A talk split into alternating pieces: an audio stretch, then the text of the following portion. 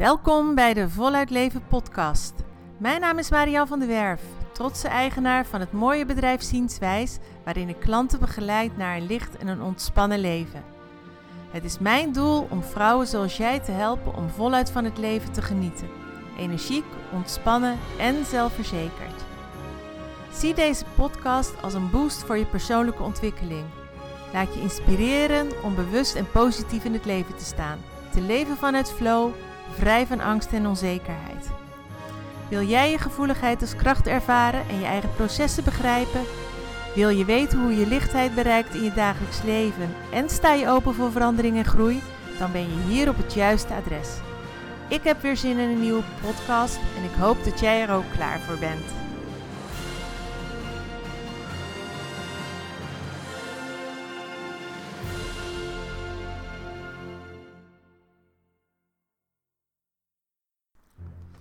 Welkom bij weer een nieuwe Voluit Leven podcast. Vandaag ga ik het hebben over de zwaarte die je op je schouders kunt meedragen. De zwaarte van je omgeving, de zwaarte van de wereld. Momenteel merk ik dat heel veel hooggevoelige mensen enorm veel last hebben van wat er op dit moment speelt. Het coronavirus, mensen die ziek zijn, mensen die sterven, mensen in de zorg die keihard werken oude mensen die geen contact meer kunnen hebben. Gewoon lijfelijk. Sowieso mensen die geen contact meer kunnen hebben. De zorg, waar gaat het heen? Uh, wat gebeurt er allemaal? Die zwaarte, die energie, die is nu enorm voelbaar. En ik merk dat heel veel hooggevoelige mensen zich daar niet van kunnen distancieren en daar mega veel last van hebben. En dat zou minder kunnen. Dat zou uh, makkelijker kunnen zijn voor je.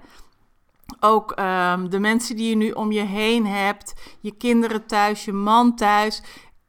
Volgens mij is het voor zoveel mensen super vermoeiend. En deze podcast wil ik daaraan wijden, omdat ik zelf geleerd heb om me op een bepaalde manier af te sluiten.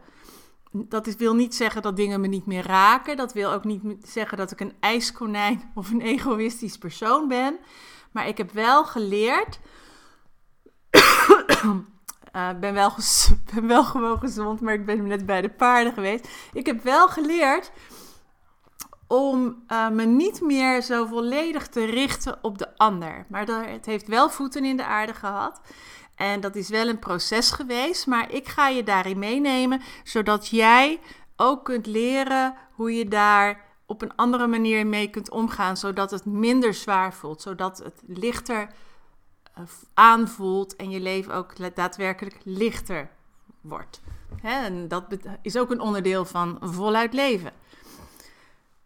De oorsprong de, de, ligt niet alleen in je hooggevoeligheid dat je dit hebt. Het heeft vooral te maken met wat er in je jeugd gebeurd is en wat er, ehm, hoe er met jou is omgegaan.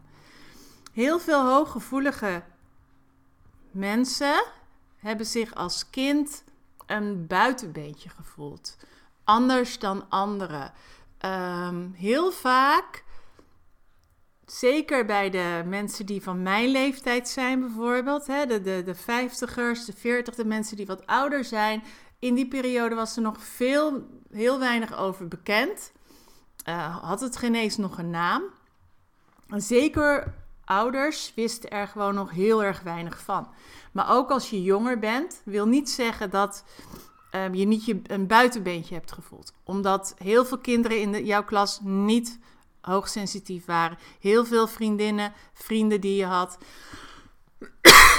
waren niet, zijn niet hoogsensitief, hooggevoelig. Misschien hebben je ouders het helemaal nog niet geweten wat het inhoudt. En als klein jongetje, als klein meisje, ehm, als je je anders voelt, dan ga je naar oorzaken zoeken. Je gaat je aanpassen.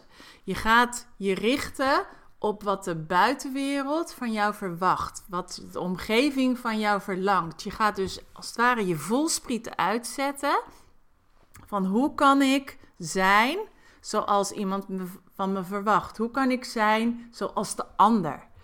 Dus al van heel erg kleins af aan ben je bezig om de omgeving af te tasten, om je te richten dus op de buitenwereld, omdat je erbij wilt horen, omdat je wil dat er van je gehouden wordt, omdat je goed genoeg wil zijn, omdat je je welkom wilt voelen. Dus van heel kleins af aan leer je je voelsprieten te gebruiken om af te stemmen op de buitenwereld. En daarmee sla je een stukje bescherming van jezelf over. Een stukje autonomie, wat heel normaal is dat dat op een gegeven moment um, rond je derde levensjaar en maar ook in de puberteit dat je dat vormgeeft. Dat gebeurt eigenlijk niet. Die wilskracht van ik wil, ik, hè, ik wil mezelf zijn, ik um, ben goed zoals ik ben. Dat stukje erkenning waar je zo zoekend naar bent, wat je zo hard nodig hebt, hè, wat ieder mens nodig heeft, maar zeker als hooggevoelig persoon, want je voelt heel snel de afkeuring, je voelt heel snel als je anders dan anderen bent of als um, je ouders um, je te emotioneel vinden of te stil vinden of juist te explosief vinden, hè, dan merk je gewoon. En dat wil je niet. Als klein kind wil je dat niet. Je wil die liefde voelen, je wil de erkenning voelen, je wil de, de, de bevestiging dat jij oké bent zoals je bent. En dat is dus vooral rond je derde levensjaar, maar ook in de puberteit. Krijg je dat niet, dan um, krijg je die, hoog, die, die overgevoeligheid eigenlijk um, in het afstemmen aan de buitenwereld, in het aanpassen. Dus heb je geleerd om je bezig te houden met de buitenwereld. Want die is belangrijk. je wil dat, ze, het, dat het goed met je ouders gaat. Je wil, dat, je wil vriendinnetjes hebben. Je wil dat ze je leuk vinden. Je wil dat de sfeer ontspannen is.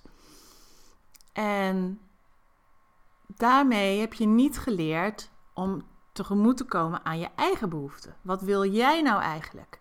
Wat is belangrijk voor jou? Wat doet er voor jou toe? Wat Um, waar sta jij voor? Wie ben jij? Wat, wat mag je zijn? Dat dat niet oké zijn, of dat oké willen zijn eigenlijk, heb je vooral laten afhangen ook van de buitenwereld. En dat is wat er nu ook gebeurt. Nu ben je ook volledig daardoor gericht op de buitenwereld. Omdat je niet geleerd hebt om oké te zijn met je eigen binnenwereld om is niet bezig te zijn met je omgeving. Om wezen scheid te hebben aan je omgeving. En op het moment dat je dat nu wel doet, dan voel je je misschien wel schuldig. Of dan komt er een onrust, of dan komt er een angst. Of, want het is heel erg vreemd, het is onwennig voor je om, hè, dat het ineens om jou zou draaien. En toch ligt daar de sleutel. De sleutel ligt dat jij aandacht gaat geven aan dat miskende kind, dat, die miskende jongen of dat miskende meisje, wat niet oké mocht zijn, waar geen bevestiging kwam, waar geen erkenning kwam voor je hooggevoeligheid misschien wel. Die heeft de aandacht nodig en die kan ervoor zorgen dat jij minder last gaat krijgen van de buitenwereld. Ik heb het echt, bij mij is het uh, heeft het best een tijd geduurd. Ik was ook altijd bezig van hoe is het voor een ander. Overal ja op zeggen. Zodra iemand uh, emoties toonde, zodra iemand verdriet had, zodra iemand maar op wat voor manier ook hulp nodig had, sprong ik er baf vol in. Ik dacht helemaal niet na, what's in it for me? Ik dacht ook niet na, wat heeft het voor consequenties voor mij? Ik ging er vol, vol, vol tegenaan. Als een vriendin opbelde, uh, stel je voor dat ik net de deur uit wilde gaan en een vriendin belde omdat ze in de shit zat. Huppatee, ik liet al heel de boel de boel. Ik liet los, mijn eigen afspraak ging niet door en ik ging er volledig voor zitten. dat zijn voorbeelden dat je bezig bent met de ander en niet met jezelf. En dat zorgt ervoor dus dat je zo open staat. De sleutel in mijn geval lag ook bij mijzelf. Door terug te gaan naar mijn innerlijke kind. Terug te gaan naar de pijn. Eerst de pijn van het niet gezien worden, niet gehoord worden. Zowel als klein meisje. Ik werd heel erg lastig gevonden. Ik was echt zo'n druk, meer zo'n high sensation seeker. Een heel druk, ondernemend uh, meisje, juist met een eigen wil, met een eigen mening, met een eigen karaktertje. En dat uh, werd als ja, lastig ervaren misschien ook wel uh, logisch dat dat soms in gevallen lastig was voor mijn ouders. Hè? Want ze hadden twee andere soort kinderen en dan ineens kom ik. Een meisje en dan helemaal niet meisjesachtig. En in de puberteit is dat nog erger geweest. Dat ik enorme voelspriet heb ontwikkeld. En me heel, heel, heel erg ben gaan aanpassen. Steeds meer. Ook in mijn jongvolwassenheid. En mijn eigen identiteit gewoon ben kwijtgeraakt. En vanaf dat ik de opleiding ging volgen in 19 98 is dat denk ik geweest, is dat omkeringsproces begonnen. En dat is in fase gegaan. Maar eerst dat ik ehm, mezelf oké ben gaan vinden, stukje bij beetje. Ehm, daarna ben ik weer een poosje de mist ingegaan. Maar dat is een proces geweest wel om te helen. Um, traumaverwerking heb ik gehad. Uh, de miskende kindstukken ben ik gaan helen. En um, mezelf ben ik goed genoeg gaan vinden zoals ik ben. En dat heeft ervoor gezorgd dat mijn eigenwaarde gegroeid is. En dat ik dus ook meer voor mezelf durfde te gaan kiezen. En daarmee, in wezen parallel daaraan, is dus de gevoeligheid voor de buitenwereld minder geworden. En kan ik me makkelijker afsluiten. Tenminste, ik wil het niet eens zeggen afsluiten, maar er gaat meer, het is gek genoeg, er gaat meer langs me heen. Ik leef wat meer in een eigen kokon. En tuurlijk, hè, ik heb ook een beroep waar, waar het om anderen gaat. Maar ik neem bijvoorbeeld ook niet de, de pijn of het verdriet van de klanten met, met me mee. Ik neem het niet mee naar bed, ik kan het daar laten. En dat is de trick, dat is de kunst, dat je empathisch kunt zijn, dat je kunt meeleven zonder er compleet helemaal pff, in te vervloeien, zonder jezelf daarin kwijt te raken. En echt, natuurlijk zijn er mooie manieren die ik je ook kan aanreiken om je aura te beschermen, om je aura te schonen. Er zijn prachtige grondingsoefeningen. Dat zou ik ook zeker allemaal doen, want die zijn ook super belangrijk. Maar de, de kern, de sleutel ligt bij jou, bij het, het hele van je miskende kindstukken, bij het hele van je trauma's, bij um, jezelf gaan zien, voluit omarmen met je hooggevoeligheid.